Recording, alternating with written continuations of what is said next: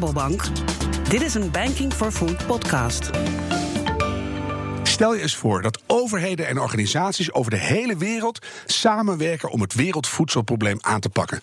En dat Nederlandse bedrijven hier een belangrijke bijdrage aan leveren. Niet door de export van kaas en melk, maar van hun kennis en ervaring. Om zo de wereld samen een stuk beter te maken. Dag, ik ben Harm Edens. Leuk dat je luistert naar deze podcast.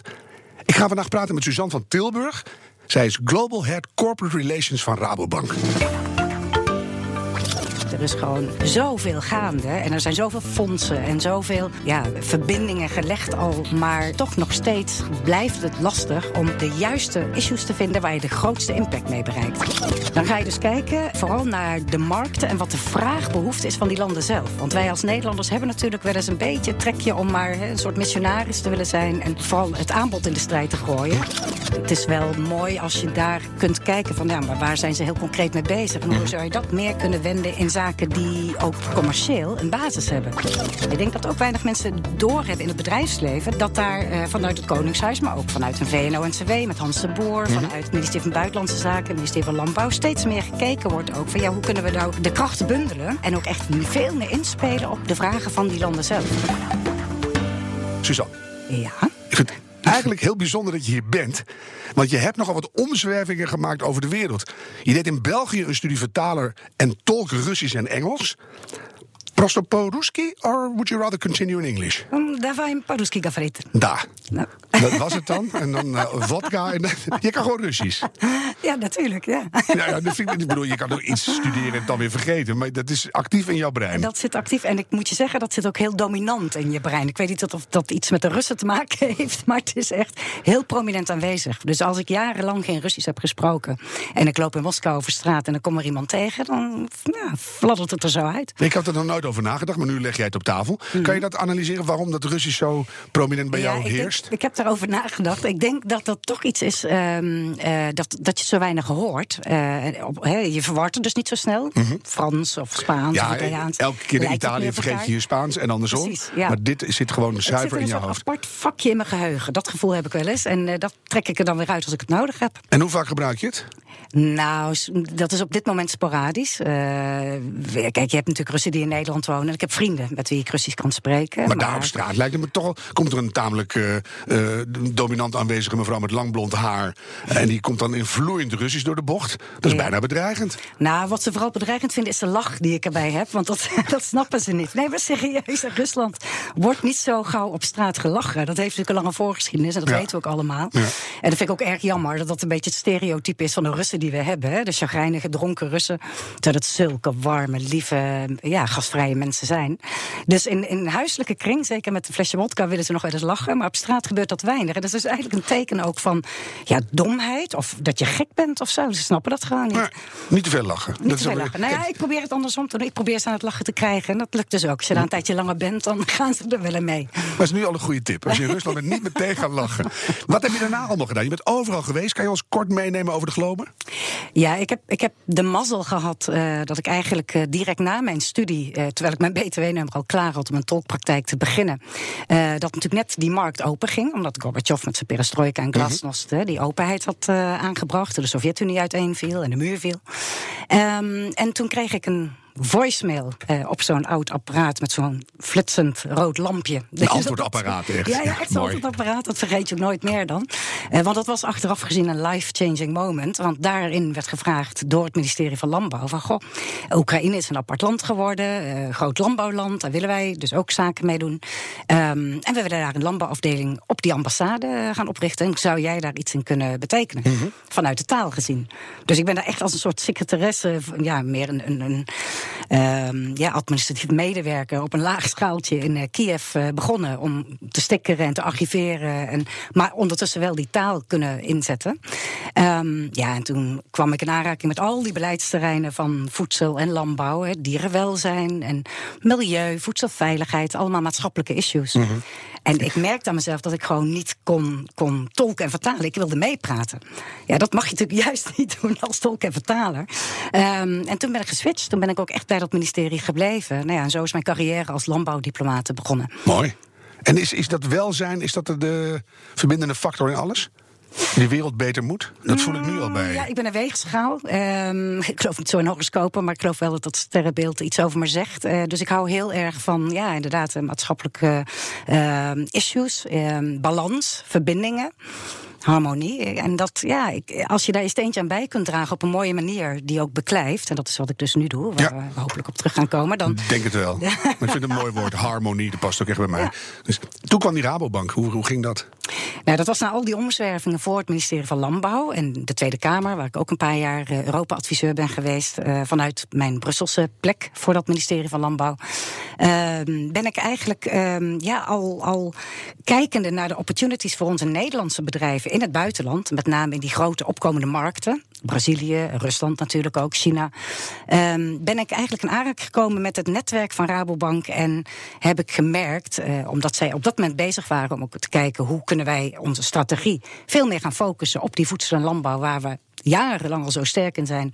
Um, en hoe kunnen we daar meer richting aan geven? Nou, daarover doorsparrende met mijn achtergrond uh, voelde ik wel een, een kans om nu door te kunnen pakken. Dus je hebt je eigen baan gecreëerd eigenlijk? Ja, eigenlijk wel. Ik ben gevraagd om over te stappen, maar dat was wel door alle discussies die we voerden. En wat ik wel heel veel kansen zag. En, ik, ja, ik moet er toch eerlijk bij zeggen, ik was gewoon hartstikke verbaasd. Dat Rabobank zo actief is in het buitenland. Dat we 500 man personeel in Brazilië hebben. 66 kantoren in Australië. Ja, ik wist dat niet. Nee. Mijn ouders hadden een bankboekje bij de Boerenleenbank hè, vroeger. Dat, dat Wij was zaten bij de Raiffeisen. Oh nee. Ja, ja, ja maar zo, dat nou, is zit wel, zit al goed. Ja. is wel zo hoe, hoe snel het gaat. Hè? Je let even niet op en die bank is die hele wereld aan het veranderen. Ja, maar daar is Nederland natuurlijk zelf... De mensen in Nederland zijn daar ook niet heel erg meegenomen. Hè? Dus dat, dat was ook wel een beetje de cultuur. Rabobank had natuurlijk een heel uitdrukkelijk internationaal deel... en een, een op Nederlandse markt gericht deel. En ja, dat vond ik persoonlijk een hele erge uitdaging... om die twee werelden ook bijeen te gaan brengen. Kun je jouw uh, functie omschrijven als een soort Rabo-ambassadrice? Dat je door alle velden heen loopt over de hele wereld... en dat je je overal mee bemoeit en het, het, het goede woord uitdraagt? Ja, een soort positioneringsfunctie heeft het wel. Maar met mij zijn daar natuurlijk nog veel meer mensen bij. En wat mij onderscheidt van andere afdelingen, alle een public affairs of een communicatie of een marketing, is dat ik vooral kijk ook naar de business opportunities die we daarin kunnen vinden voor Nederlandse bedrijven, mm -hmm. Nederlandse klanten, maar ook voor onze klanten in het buitenland. Maar zo daar eens op door, want ja? als je nu kijkt naar die, die hele manier om die wereld beter te maken, heb je de Verenigde Naties en de Wereldbank, allerlei overheden, -hmm. iedereen, organisaties, iedereen doet zijn best om die wereld te verbeteren. Maar ik denk dan, er is heel weinig focus. Ja, het is de tijdgeest, absoluut. Ook, ook onder jongeren merk je gewoon dat die issues veel meer aanspreken dan waar wij vroeger mee bezig zijn geweest. Um, wat je wel ziet is dat er een, een, enorme inzet is op bijvoorbeeld de Sustainable Development Goals van de Verenigde Naties. Mm -hmm. Dat geeft wel iets meer richting en iets meer focus.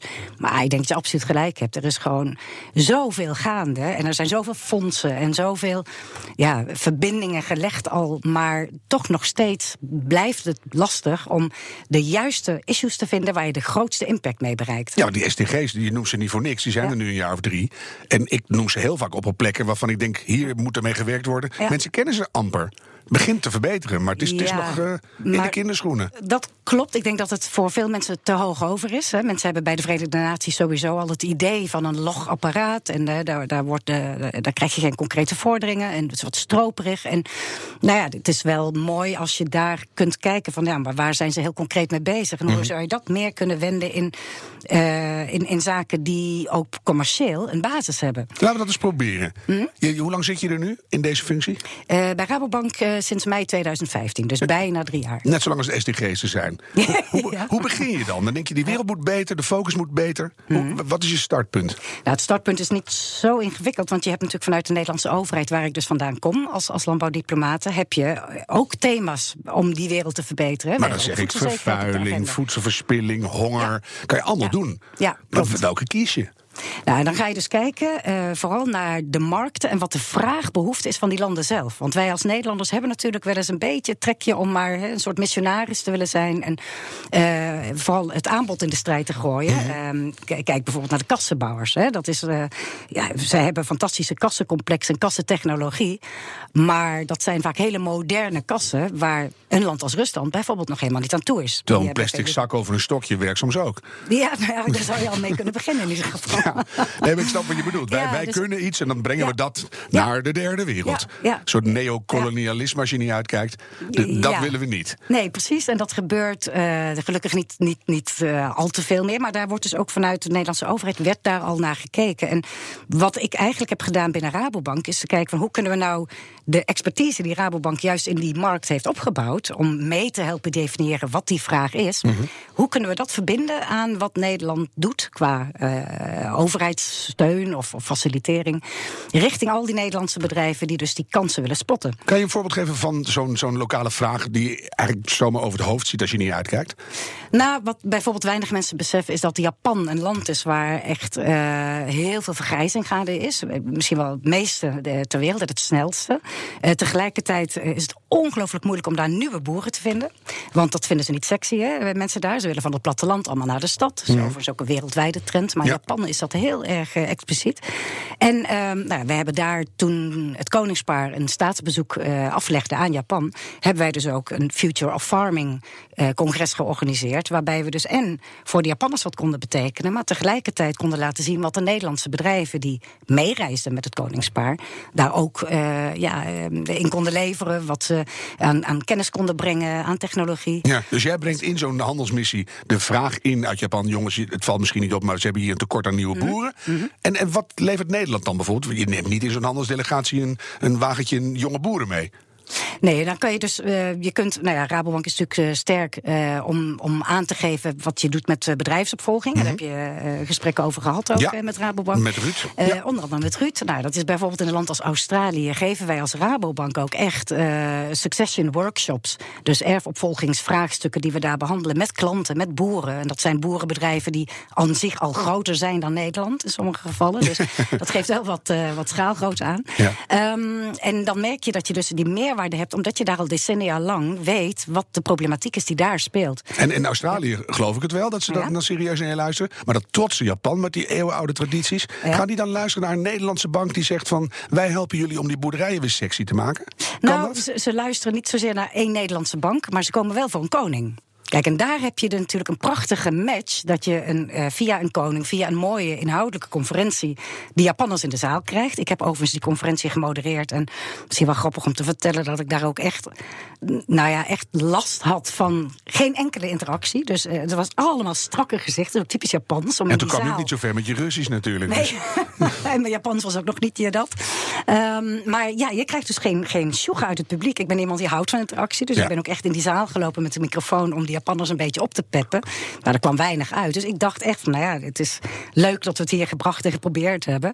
Tot ik in de pauze kwam en die Japanners in de rij gingen staan... om me te bedanken en te zeggen van, joh, dit was een feest voor ons vanochtend. Mooi. En dat is wel, ja, die, die culturen zijn natuurlijk heel anders. Maar eh, elke keer is het de kunst, en dat vind ik superleuk aan het werk ook, om ja, te kijken wat zijn nou de, de dingen waar je iets toe te voegen hebt aan de problemen die ze in die landen hebben en aan de oplossingen die we daar vanuit Nederland in kunnen bieden. Nou, Het is ook heel mooi om stiekem de succesfactor te zijn achter de handelsmissies van Wim Lex en Maxima natuurlijk. Nou ja, dat is eh, zeker. Dat is een heel mooi circuit. En ik, ik vind eh, petje af, moet ik ook echt zeggen. Nee, ik denk hoe de van hun petje af naar jou toe eigenlijk. Nee, Nou, we versterken elkaar. En, en met mij natuurlijk nog velen die in zo'n missie wat te betekenen hebben. Maar daar is wel, dat is wel een omzaai. Ik denk dat ook weinig mensen doorhebben in het bedrijfsleven. Dat, dat daar eh, vanuit het Koningshuis, maar ook vanuit een VNO-NCW met Hans de Boer, vanuit ehm, eh, het ministerie van Buitenlandse Zaken, het ministerie van Landbouw, steeds meer gekeken wordt ook van ja, hoe kunnen we nou eh, de krachten bundelen en ook echt veel meer inspelen op de vragen van die landen zelf. Ja. En nou heeft in Nederland de Rabo ook een hele grote vinger in de start-ups en scale-ups en Ja. de landbouwinnovaties. Ja. Wat neem je daarvan mee? Nou, we hebben bijvoorbeeld vorig jaar een heel eh mooi strategisch partnerschap met Startup Delta van Prins Constantijn gesloten. Ehm, omdat- Toch weer die prins ook, hè? Ja. ja, maar ze doen het goed in het buitenland. Dat zonder meer. En eh, ja, het is natuurlijk hartstikke leuk dat ze dit soort issues ook omarmen. En, en ook de trends waarnemen en daarop inspelen. Nou ja, en wij kunnen vanuit Rabobank eh, met, met concepten zoals we die in Amerika hebben ontwikkeld. om eh start-ups te verbinden aan investeerders. Dus niet zozeer om daar venture capital in te investeren. maar veel meer te kijken van hoe kun je ze aan de juiste ehm, contacten helpen. die dat wel kunnen doen. Ja, dat is een, een, een, een gigantische meerwaarde die je ook alleen maar kunt doen. als je zo groot bent in een land als Amerika Ja. Als Rabobank zijnde. Maar dan is het geboren vanuit jullie idee dat de kansen blijven liggen, dat de aansluiting lang er niet Mhm. altijd is, dat we niet alleen maar naar die vraag moeten kijken. Ehm, nou is er al een handelsoverschot van 52 miljard euro in Nederland. Mhm. Nou komt er weer nieuwe activiteit bij, mede dankzij jou. Hoe moet ik dat zien? Zijn dat nou nieuwe groeimarkten die we echt aanboren, die daarbij komen, of zet je oude groei om in nieuwe groei? Ik denk dat het meer, meer gefocuste groei is. ehm, en dat het een lange termijn groei aan het worden is, zeg ik voorzichtig. Want het is natuurlijk nog niet zo ver. Maar ehm, vandaar dat ik net al aangaf, die commerciële basis die zo belangrijk is. Ik ben eh, helemaal wat je zegt terecht, ik ben een wereldverbeteraar. Dat, dat drijft mij ook in mijn werk. Maar ik heb, ja, dat is dan toch weer de ervaring die gelukkig op een gegeven moment eh, wel, wel eh, mee gaat tellen. Leeftijd noem ik niet, maar de ervaring. komen we straks de op, werkervaring. Eh, dat je dus ehm, ja, wel ziet dat, dat. Ik heb natuurlijk genoeg projecten meegemaakt vanuit de overheid. die eh, volgepompt werden met geld. Eh, bijvoorbeeld uit Brusselse fondsen of ontwikkelingshulp. Of, en dat was allemaal wel gemeend, maar, maar zonder commerciële basis. Als bedrijven zich daar geen. eh, als die geen ownership voelen. dan is het maar een kort leven gegund. Want ja, na een tijdje houdt die subsidiestroom op. En dan gaat het niet verder. En dat is eigenlijk ook wat het zo lastig maakt soms. Om de juiste private partners te vinden eh, om in dit soort projecten mee te gaan. Aan beide kanten. Hè, Maar het is Nederland juist zo goed dat jij dan op die plek zit, want jij hebt beide meegemaakt. Mhm. Is dat nu ook een voordeel dat jij dat richting die overheid ook veel beter kan vertalen nu? Dat ze accepteren dat er een grote bank meegaat, niet alleen maar uit eigen gewin, Mhm. Ja. maar ook echt vanuit het gevoel van die wereld moet beter. Dat Ja. moet op nieuwe manieren. Denk geloven ze je? Ja, dat geloven ze zeker. En ik geloof ook dat ze in de integriteit geloven van een, een Wiebedraaier... die dat natuurlijk ook eh, in, in beweging heeft Maar met een gezet. SER-achtergrond ook weer Ja. een dubbele, pet eigenlijk. Ja, ja, maar ook wel echt een verbinder. Ehm, Ja. en dat is wel zo, dat kan ik gerust zeggen, ook wel een van de redenen om ervoor te gaan. Ik, ik zou nooit voor zomaar één bedrijf zijn gegaan. En de combinatie tussen het eh, voor mij verrassende grote internationale netwerk en de grote kennis die wij daar hebben, ehm, in combinatie met die maatschappelijke doelstelling, ja, dat Mhm. was voor mij wel, eh, wel, wel de reden om over te stappen. Je hebt niet voor niks geleefd. Je bent hier uitgekomen, kan je bijna zeggen, toch? Nou, Nou is dit het mooie verhaal. Ja, en dan ga je die wijde wereld in. En dan begint de ellende. Politieke tegenstellingen, geopolitieke onzekerheden. Je zou bijna kunnen zeggen, hoe verder van huis, hoe wiebeliger het verdienmodel. Nou kijk naar Rusland, dat is natuurlijk een heel triest voorbeeld. In de zin van dat ik daar zelf nog vanuit de ambassade van alles op de rails mocht zetten. Ja. Tot de omslag kwam in de MH17. En eh, ja, dat is natuurlijk verschrikkelijk. En dat gaat aan je hart. Want je hebt met die mensen hele goede contacten. Zowel met Oekraïners als met, met, met Russen. Mhm. Eh, dat is al een dingetje. Maar het is natuurlijk ook heel vervelend om te zien dat juist die vraag die een land als Rusland heeft. met een zelfvoorzieningsdoctrine. Ze willen hun eigen voedsel kunnen produceren. En dat is zelfs een officiële doctrine van Poetin. ja, geen afhankelijkheden 2020. meer. Ja. Geen afhankelijkheid meer.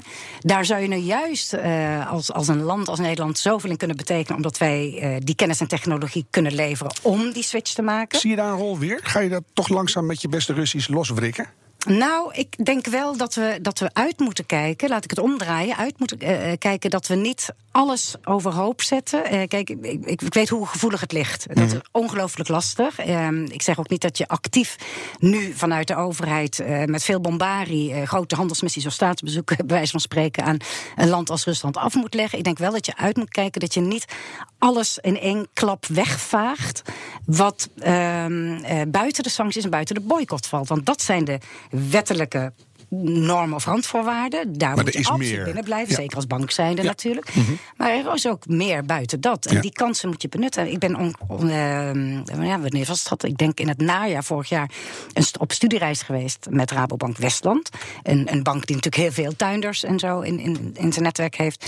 Om gewoon heel voorzichtig te kijken wat zijn de mogelijkheden. Zonder ook maar afbreuk te doen aan. Hè, Daarom heet het studiereis natuurlijk. Daar heet het ook een studiereis, maar wel om, om kansen te blijven kennen. Om op lange termijn te kijken nou ja, hoe kunnen we in, in datgene wat wel mag, dan toch goed instappen. Want we willen allemaal samen die wereld beter maken. Ja. En Rusland is een vrij groot stukje van die wereld. Klopt, ja. Dus die, die kunnen er eigenlijk helemaal niet uit natuurlijk. Die moeten op hun manier mee. Dat klopt. Alleen hebben wij natuurlijk als Rabobank zijnde ook in landen als Brazilië, landen als de VS, Australië, die ik al noemde, China, India. Chili. Daar hebben we een veel grotere footprint. Dus in die zin is dat natuurlijk ook voor mij wel een belangrijke focus. Dat vind ik toch mooi stiekem. Maar- Het geeft een soort geruststellend gevoel dat jij toch nog een angeltje in die Russen hebt.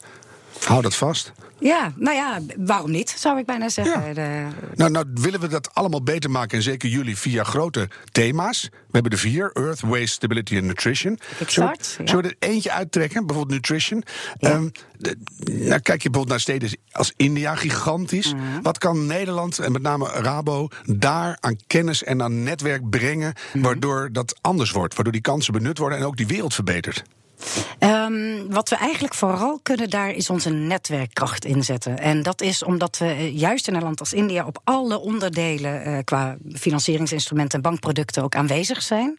Ehm, ik denk bijvoorbeeld de Rabobank Foundation, dat ken je ongetwijfeld, waar we dus boeren helpen om in een coöperatie samen te werken, gezamenlijk de juiste zaden in te kopen of het juiste uitgangsmateriaal in te kopen om betere oogsten te krijgen. Nou, dan kan je vanuit daar weer kijken van nou, wat zijn de afnemers van die oogsten? Die zitten ook in ons klantsegment. Dus daar kunnen we ook een rol in betekenen om dat dan weer samen te brengen. En zo kan je door de hele keten heen kijken van waar zitten de zwakke plekken? Wat zijn de zwakke schakels in zo'n keten? En waar kan je dan vervolgens verbeteringen aanbrengen? En welke technologie of welke eh, klanten hebben we in Nederland die daar iets in kunnen betekenen? Dat is de beste win-win. Ja, en hoe lang is die boog? Want op een gegeven moment, de, de melk en de kaas en de bloemen, ja. Ja. Die houden we steeds dichter bij huis. Een, een beetje kan de deur nog uit.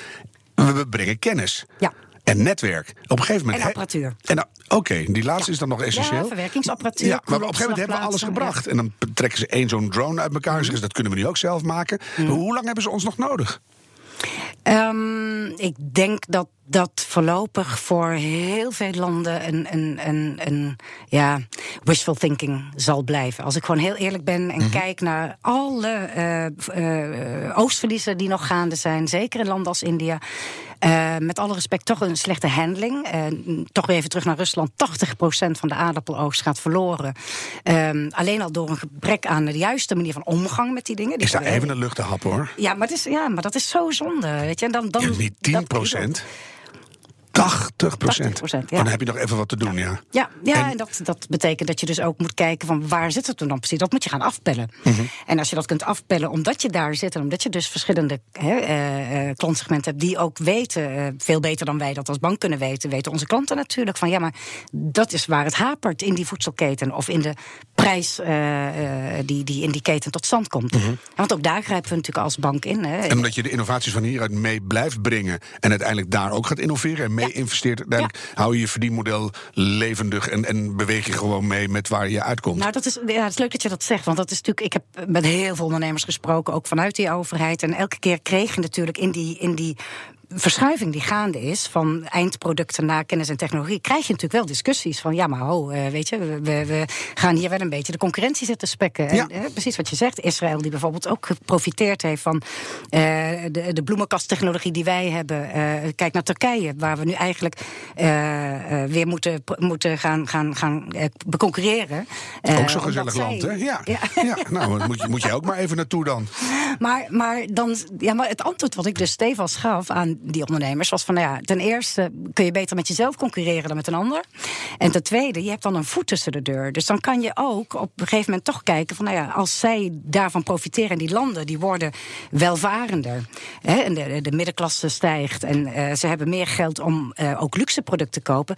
Denk dan goed na over je eigen product. Wat is Ja. jouw innovatie? En Wat dan is ben je jouw er ook kracht? bij. Dan ben je ja, er al. Dan ben je erbij. Ja. Ja, wel goed, hè? Dat je erbij bent. Ja, was iedereen er maar bij? Dat is natuurlijk nog. eh, dat, en dat proberen we nu Goed dat juist. jij er aardig bij bent. Op een heel ander niveau. Je hebt op heel veel plekken gekeken. Je bent de wereld overgegaan. Je hebt van verschillende perspectieven dezelfde problematiek mogen zien. Wat heb jij geleerd Ehm, als mens? als mens.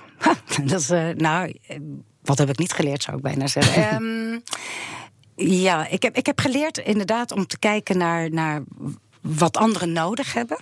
Eh, hoe je daar op in kunt spelen. Zowel geldt dat voor lobbytrajecten, waar ik natuurlijk heel veel aan heb gedaan, ehm, als voor, voor dit soort eh, commerciële deals. Ehm, ik heb geleerd ook dat er. ehm, dat er heel veel gefaciliteerd wordt en in eh, werking wordt gezet door instanties als een RVO en, eh, en, en buitenlandse zaken. Of dat de hele overheid daar ontzettend op gericht is, maar dat het nog steeds lastig is voor ondernemers om de weg te vinden naar dat woud aan instrumenten dat voor ze beschikbaar is. Dat is ook een aandachtspunt in Den Haag. Daar wordt Ja. goed aan ge- gewerkt op dit moment. Ehm, Ja, en ik heb geleerd dat je eigenlijk nooit klaar bent met verbinden. Ik vind het een verschrikkelijk woord, het verbinden. Ik wou dat ik er een ander woord valt, want iedereen roept er op dit moment. Maar, Koriander maar, is erger, maar dus... Ja. Ja. Ja. Maar, ik snap is, wat je bedoelt. Dat is serieus. Er zijn zoveel mooie verbindingen te maken. Nou ja, het voorbeeld is ook, ik ben alleen begonnen. Ik heb nu een team van vijf. Alleen al omdat ik handjes tekort kwam. Omdat er zoveel mooie connecties te maken zijn binnen de bank en buiten de bank. En, en ik weet nog steeds je leeftijd niet, maar laten we die gewoon laten waar die is. hoe, hoe, maar je gaat al heel lang mee. Hoe, hoe, hoe- ja, bedoel, je, je hebt zoveel gedaan. Ja. Hoe hou jij de hoop erin? Want het probleem is zo groot.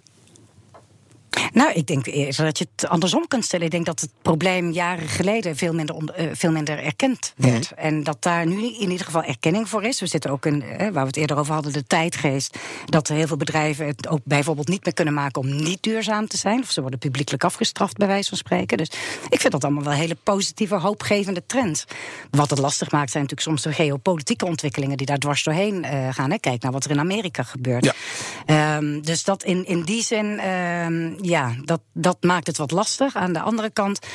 Als je met z'n allen eh, maar blijft kijken naar de kansen die er zijn en daar probeert zoveel mogelijk samen in op te trekken, dan wordt het al een stuk gemakkelijker. Suzanne, het wordt niks zonder jou. Dankjewel voor een kijkje achter de schermen.